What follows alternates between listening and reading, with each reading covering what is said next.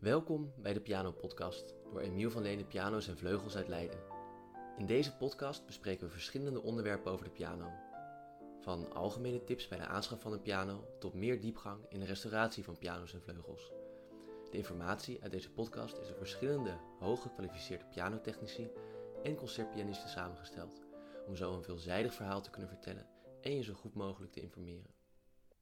In deze aflevering gaan we het hebben over de opknapbeurten en restauraties van piano's en vleugels.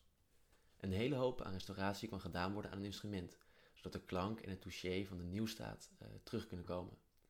Soms kan het instrument zelfs mooier worden dan hoe het nieuw was. De verschillen tussen technici, met name hun voorkeur in technieken, touché en klank, uh, maar ook bekwaamheid, verschillen veel. Daarnaast kiezen pianowinkels om meer of minder te doen aan een piano of vleugel. Hoe meer aan een tweedehands instrument gewerkt wordt, hoe meer kosten er in het instrument gaan zitten. Allereerst heeft de leeftijd veel invloed op de restauraties die uitgevoerd worden.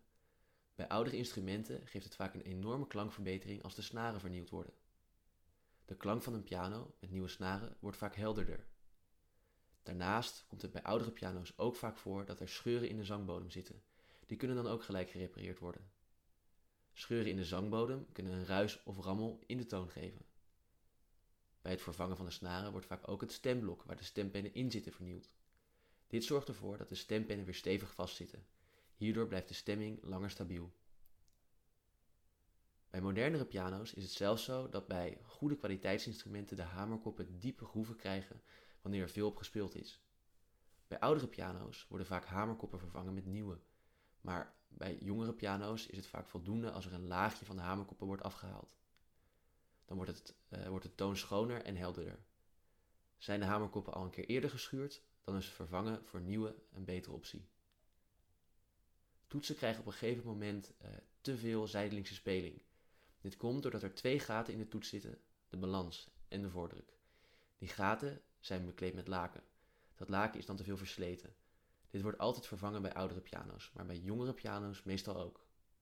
Oude piano's hebben vaker ivoor op de toetsen. Door de tijd wordt dit geel. Door UV-licht kan dit weer wit gemaakt worden. Daarnaast kunnen er beschadigingen aan de kast worden gerepareerd. Politoeren is een oud ambacht wat nog maar weinig mensen goed kunnen. Als de politoerdot namelijk te lang op een plek blijft, brandt het in het oppervlak. Politoeren wordt bij oudere piano's gedaan. Politoer is van schellak. Dit geeft een meer klassieke zwart. Bij nieuwe instrumenten uh, worden, uh, worden piano's polyester gelakt. Daarnaast is het ook mogelijk om piano's over te spuiten. Dit is wat uh, lagere kwaliteit lak. Bij oudere piano's worden de dempers bijna altijd vervangen, met mooi nieuw zacht vilt. Ook het vilt onder de toetsen wordt meestal vervangen.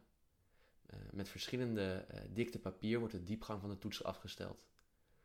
Nadat alle versleten onderdelen vervangen zijn, moet de mechaniek weer fijn afgeregeld worden. De toets moet 10 mm naar beneden gaan.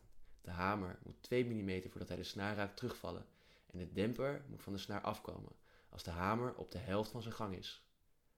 Dempers moeten gelijk van de snaar afkomen, bij het indrukken van het rechterpedaal. Alle pedalen worden ook opnieuw afgesteld, zo zijn er nog veel meer punten om alles weer heel regelmatig te laten spelen. Als alles vervangen is en het mechanier, uh, mechaniek secuur is afgeregeld, uh, komt het leukste werk, namelijk het werken aan de toon. Dit is erg leuk werk omdat het resultaat direct hoorbaar is.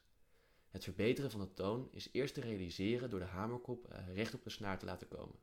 Dit heet scheitelen, afkomstig van het Duits. Daarna wordt er geïntoneerd, waarbij op speciale plaatsen in de hamerkop geprikt wordt. Door dit goed te doen ontstaat er een bepaalde gelaagdheid in de toon.